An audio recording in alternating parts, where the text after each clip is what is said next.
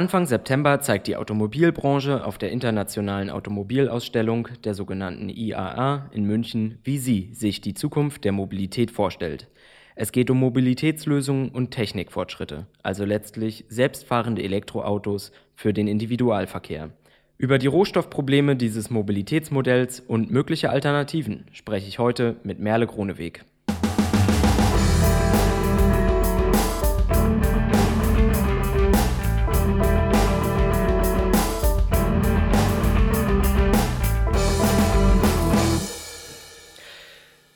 Ich spreche heute mit Merle Groneweg, die bei PowerShift praktisch zu allen PowerShift-Themen arbeitet, Rohstoff-, Handels- und Mobilitätspolitik und am 8. und 9. September auch in München ist als Speakerin, allerdings nicht auf der IAA, sondern dem Gegenkongress der Contra-IAA, dem Kongress für transformative Mobilität. Merle hat kürzlich an einer Neuauflage der Studie Weniger Autos, mehr globale Gerechtigkeit geschrieben, die sie in München vorstellen wird und ich freue mich sehr, dass wir darüber auch heute sprechen werden. Hallo Merle. Hi Jerry. Merle, wir beginnen jetzt immer mit einer persönlichen Frage und es soll heute um Mobilität gehen. Und da würde mich nochmal interessieren, du fährst nach München, wie kommst du denn dahin und was treibt dich persönlich dabei an? Das ist natürlich eine Steilvorlage und auch dieser Trend, immer Persönliches und Politisches zu verbinden. Aber mein Verkehrsmittel der Wahl ist natürlich die Bahn. Ich bin stolze Besitzerin einer Bahncard 50 und dadurch ist es auch erschwinglich.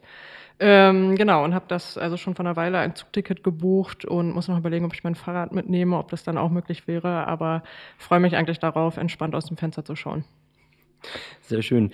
Merle, du kommst ursprünglich aus der Rohstoffpolitik und hast dann aber auch angefangen zur Mobilität zu arbeiten und 2018 eine vielbeachtete Studie, nämlich die Weniger Autos, mehr globale Gerechtigkeit verfasst.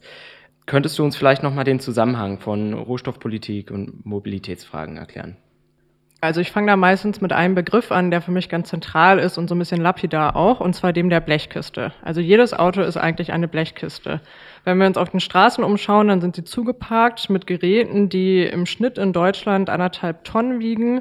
Wir haben aber einen Trend, der zu immer mehr SUVs hingeht. SUVs bringen dann manchmal sogar 1,6 oder 1,9 ähm, Tonnen auf die Waage oder so Luxusmodelle wie der BMW X7 oder der VW Touareg oder Mercedes GLS sogar zwischen zwei und zweieinhalb Tonnen. Und da muss man sich natürlich fragen, aha, warum sind die denn so schwer und was steckt da eigentlich drin? Und da ist die Antwort, der überwiegende Anteil sind metallische Rohstoffe. Zum Beispiel geht es ein voran um Aluminium und Stahl, die in der Karosserie drin stecken. Und das heißt, in der Auseinandersetzung mit diesen Fragen kam für mich so diese Arbeit zu dem Nexus Mobilitäts- und Rohstoffpolitik zustande.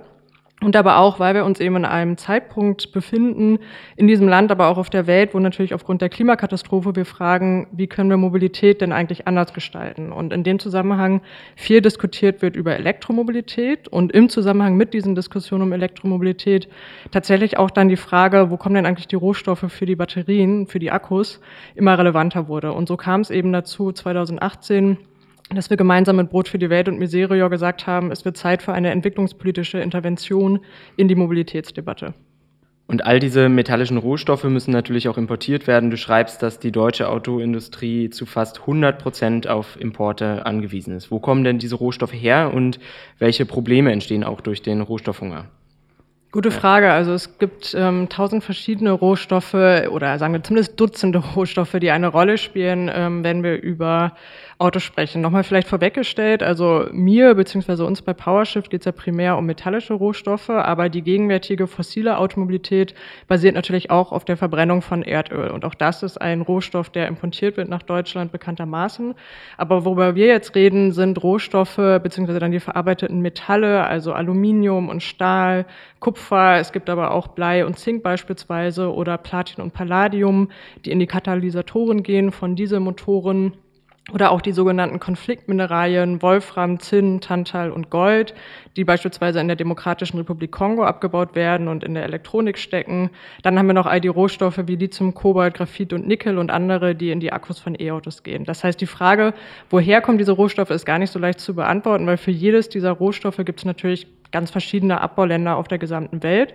Aber in der Quintessenz kann man sagen, dass es stimmt, dass ja die deutsche Industrie, auch die deutsche Autoindustrie, sehr importabhängig ist und dass es so ist, dass viele dieser Rohstoffe abgebaut werden in Ländern des globalen Südens. Das heißt in Staaten auf dem afrikanischen Kontinent, in Asien, auf dem lateinamerikanischen Kontinent und dort eben abgebaut werden, häufig unter Bedingungen, die, naja, nicht die allerbesten sind. Also es gibt ja so den sogenannten Race to the Bottom, ähm, den Wettlauf nach unten sozusagen, was ökologische, menschenrechtliche, soziale Regulierung ist. Leider ist es so, dass Abbau häufig dort am günstigsten ist, wo diese Standards am niedrigsten sind. Und das führt qua Definitionem dann zu bestimmten Problemen, wenn wir uns eben Menschenrechtsschutz anschauen, wenn wir uns aber auch Fragen der Achtung der Umwelt anschauen oder eben Klimaschutz. Ja, und gerade wenn es um Menschenrechtsfragen geht, dann steht natürlich im Zentrum der medialen und politischen Aufmerksamkeit häufig die Rohstoffe, die in den Akkus von E-Autos verarbeitet werden. Wie sieht's da aus? Sind das tatsächlich besonders problematische Rohstoffe? Also ich würde nicht sagen, dass die besonders problematisch sind, aber sie gehen natürlich mit neuen äh, Herausforderungen einher. Jeder Rohstoff qua Definition bringt verschiedene Probleme mit sich, was eben ja, sozialen, soziale Rechte angeht, Menschenrechte und Umweltschutz. Und jetzt ist es aber so, dass verschiedene Prognosen sagen, wenn wir uns den Rohstoffverbrauch angucken für Batterien von E-Autos, ähm, ja, da gibt es so Szenarien, dass wir beispielsweise bereits 2050 18 bis 20 Mal so viel Lithium brauchen, wie heute überhaupt abgebaut wird. Oder 17 bis 19 Mal so viel Kobalt, 28 bis 31 Mal so viel Nickel, wie heute abgebaut wird. Das heißt, ähm, höchstwahrscheinlich geht die Elektromobilität mit einer drastischen Ausweitung der Lithium, ähm, Kobalt und Nickel ähm, Exploration und dann eben auch des Abbaus einher. Und da müssen wir uns fragen, unter welchen Bedingungen wird das stattfinden. Wir können bei Lithium zum Beispiel darüber sprechen, dass die Gewinnung von Lithium in den Salzseen in Argentinien, Bolivien und Chile drastisch zunehmen wird. Diese Lithiumgewinnung ist enorm wasserintensiv. Es werden ähm, ja, gigantische Mengen an Wasser dabei vertrocknet oder dunsten aus und das in einer Region, wo die Klimakatastrophe schon jetzt spürbar ist. Eine Region, die sehr trocken ist und wo es eben auch im Zusammenhang mit der indigenen ähm, mit indigenen Gemeinden immer wieder Konflikte gibt um die Frage von, wer hat hier eigentlich Zugang zu welchen Ressourcen, was für Auswirkungen ähm, schafft das auch auf die Menschen, die dann in der Nähe dieser Abbaustätten wohnen. Ganz ähnlich in der Demokratischen Republik Kongo, wo die meisten Koboldreserven liegen und wo auch da die Frage ist, wer baut das eigentlich ab? Wir haben Probleme mit Kinderarbeit in dem sogenannten artisanalen Koboldbergbau und eben dort äh, häufig auch nicht so die allerbesten Arbeitsbedingungen. Zugleich ist es eine wichtige Einkommensquelle für Leute. Also da haben wir verschiedene Fragen, die jetzt per se nicht drastischer sind als bei anderen Rohstoffen, die aber, weil eben die Abbaumengen so drastisch zunehmen werden, ganz genau zu beleuchten sind. Hm. Also der Rohstoffhunger der Automobilbranche bringt auf jeden Fall jede Menge Probleme im umwelt- und menschenrechtlichen Bereich. Reagiert die Branche denn da auch selber drauf?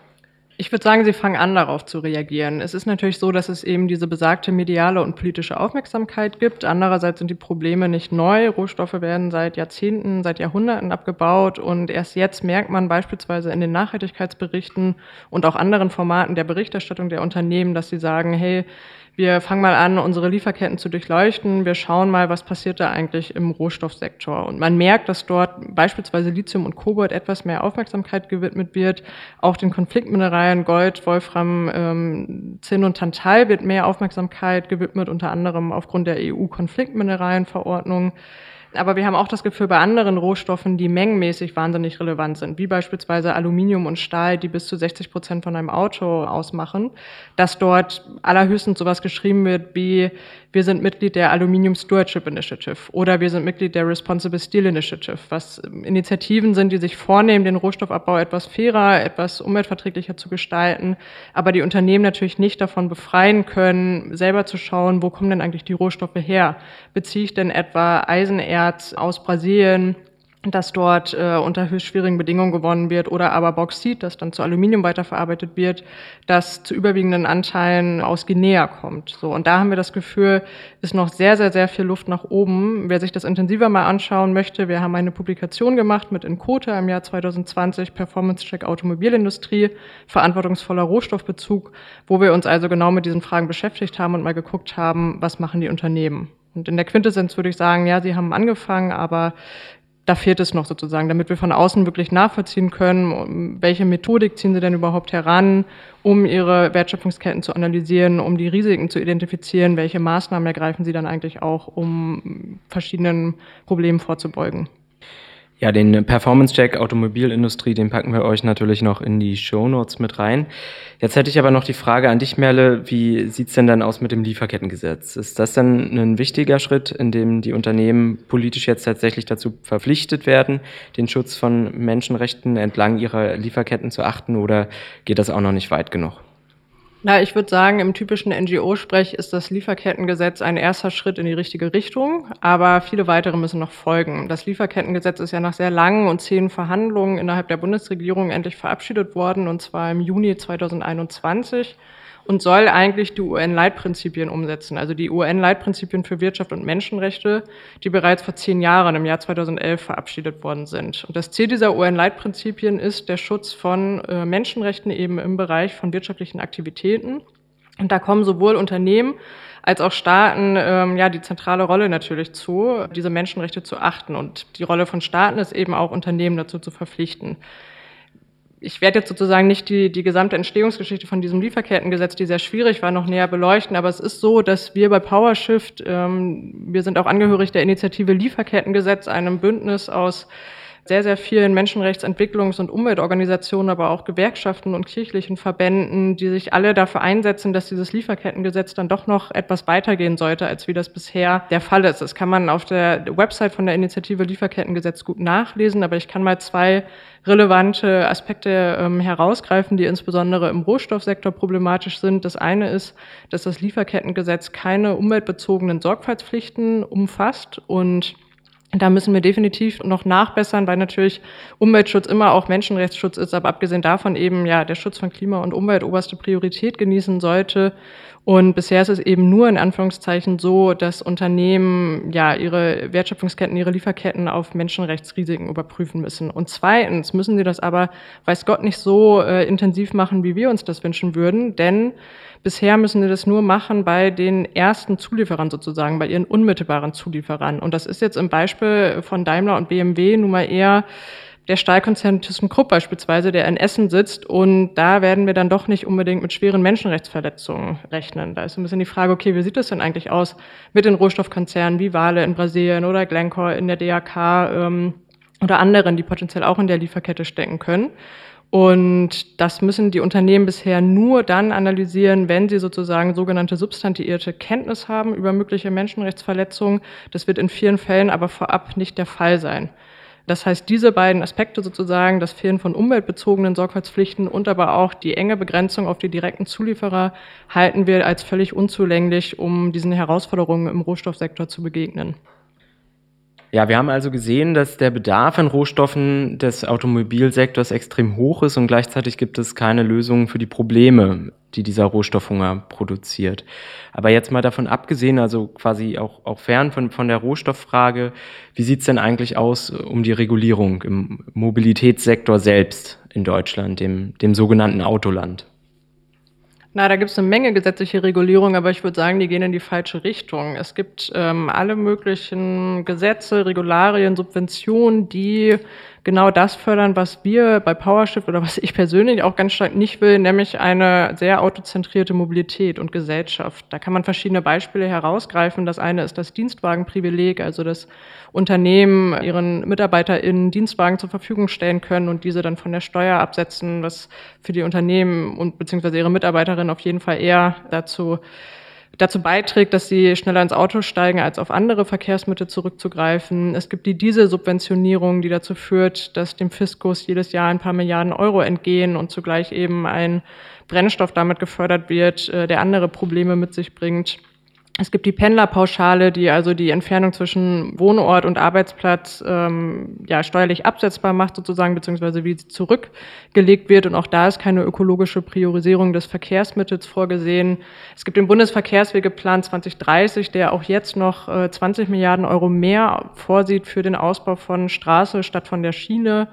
Oder nehmen wir noch als letztes Beispiel sozusagen ähm, das fehlende Tempolimit. Da war jetzt gerade bei Hart aber fair eine Diskussion dazu. Und auch da fragen wir uns, das ist so ein leicht zu ergreifendes Instrument, mit dem die CO2-Emissionen und aber auch der Schutz von Leben, also CO2-Emissionen zurückgehen könnten und wir hoffentlich weniger Verkehrstote hätten. Ähm, das sind jetzt nur ein paar Beispiele. Man kann viele weitere noch nennen. Die zeigen, okay, da wird eine Menge reguliert und zwar zugunsten den Interessen der Autoindustrie, zugunsten auch den Interessen der Autofahrenden und wir bräuchten sozusagen natürlich eine Förderung, die viel stärker die Alternativen in den Vordergrund stellt. Also eben die des öffentlichen Personennahverkehrs, für den Fernverkehr die Bahn, aber auch in den Städten dann eben die Radwege, die Fußgängerinnenwege und so weiter und so fort. Und da haben wir das Gefühl, ist noch deutlich Nachbesserung möglich. Ja, kannst du genau auf die Änderung noch mal ein bisschen drauf eingehen? Kannst du uns einfach noch mal eine Perspektive quasi bieten? Was sind konkrete Forderungen für eine zukunftsfähige Mobilität? Also ich würde sagen, das steht unter der Überschrift Rohstoff- und Mobilitätswende zusammendenken. Das heißt, wir müssen darüber sprechen, wie kriegen wir es hin, den absoluten Rohstoffverbrauch der Automobilindustrie zu senken, wie kriegen wir es hin, die CO2-Emissionen zu senken. Und das geht logischerweise nur auf eine Art und Weise, nämlich dann, indem wir wesentlich weniger Autos in diesem Land produzieren und fahren. Wir haben momentan 48 Millionen Pkw, die zugelassen sind in diesem Land.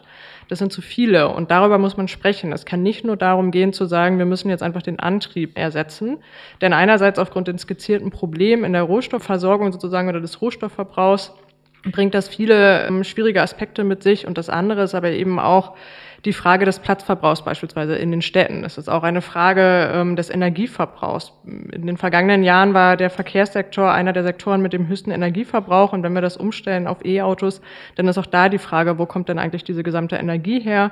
Unter welchen Bedingungen wird die produziert und so weiter und so fort. Das heißt, man muss schauen, welche Instrumente können wir entwickeln, um die Zahl der Autos zurückzudrängen. Da gibt es in den Städten verschiedene Möglichkeiten. Und das wird ehrlich gesagt nicht nur über eine Förderung der Alternativen gelingen, sondern auch indem indem man das Auto teurer macht. Das heißt, man muss den Parkraum wesentlich teurer bewirtschaften, man muss darüber nachdenken, Instrumente wie die City-Maut zu ergreifen, man muss auch autofreie Kieze gelingen. Jetzt kommt daran anknüpfend immer die Frage, und wie ist das mit dem Land? Auch da ist es so, ich bin selber auf dem Land aufgewachsen, mir ist total die Abhängigkeit vom Auto ähm, bewusst und trotzdem ist es so, dass es Möglichkeiten gibt, einen vernünftigen öffentlichen Personennahverkehr auch dort sozusagen hinzukriegen, verschiedene Kleinbusse für die sogenannte letzte Meile zu entwickeln oder aber beispielsweise, das ist ein, ein Beispiel, das bereits praktiziert wird in verschiedenen Kibbutzen in Israel, also in Siedlungen, dass man sagt, hey, wir haben eine autofreie Siedlung und am Eingang von diesen Siedlungen gibt es einen Fuhrpark, auf den können alle Menschen, die hier wohnen, zugreifen, können sich vorher online ein Auto aussuchen, das sie an dem Tag vielleicht brauchen, aber darüber hinaus besitzen sie eben kein Auto mehr im Privatbesitz. Das heißt, das ist eigentlich für mich der Quint äh, oder der Knackpunkt, mit dem ich mit dem ich enden möchte. Wir brauchen wesentlich weniger Autos und die Autos, die dann verbleiben, müssen natürlich elektrisch sein, müssen aber auch wesentlich kleiner sein und müssen gemeinsam genutzt werden. Ja, schöne letzte Worte. Merle, vielen Dank fürs Gespräch. Ich danke dir. Wir haben heute erfahren, dass der Automobilsektor enorme Mengen an Rohstoffen verbraucht, die allesamt importiert werden müssen und dabei im Zusammenhang mit Menschenrechtsproblemen und Umweltschäden stehen. Mobilität muss neu gedacht werden und hängt eng zusammen mit unserem Rohstoffverbrauch. Eine andere Mobilität, die weniger Rohstoffe und Energie verbraucht, ist möglich, wenn wir die Rohstoff- und Mobilitätswende zusammendenken. Wenn euch das Thema weiter interessiert, ihr findet die Neuauflage der Studie Weniger Autos, mehr soziale Gerechtigkeit mit neuen Daten und Fakten zur Rohstoff- und Mobilitätswende in den Shownotes unter diesem Podcast. Und wenn ihr mal erfahren wollt, wie die Verkehrswendearbeit auf regionaler Ebene aussieht, dann würde ich euch den Podcast Nummer 10, Berliner Straßen für alle, ähm, empfehlen, den ihr ebenfalls unter den Shownotes finden könnt. Weitere kritische Recherchen zu Rohstoff-, Handels- und Klimapolitik findet ihr wie immer auf power-shift.de. Und dann bedanke ich mich sehr fürs Zuhören. Bleibt aktiv. Bis zum nächsten Mal.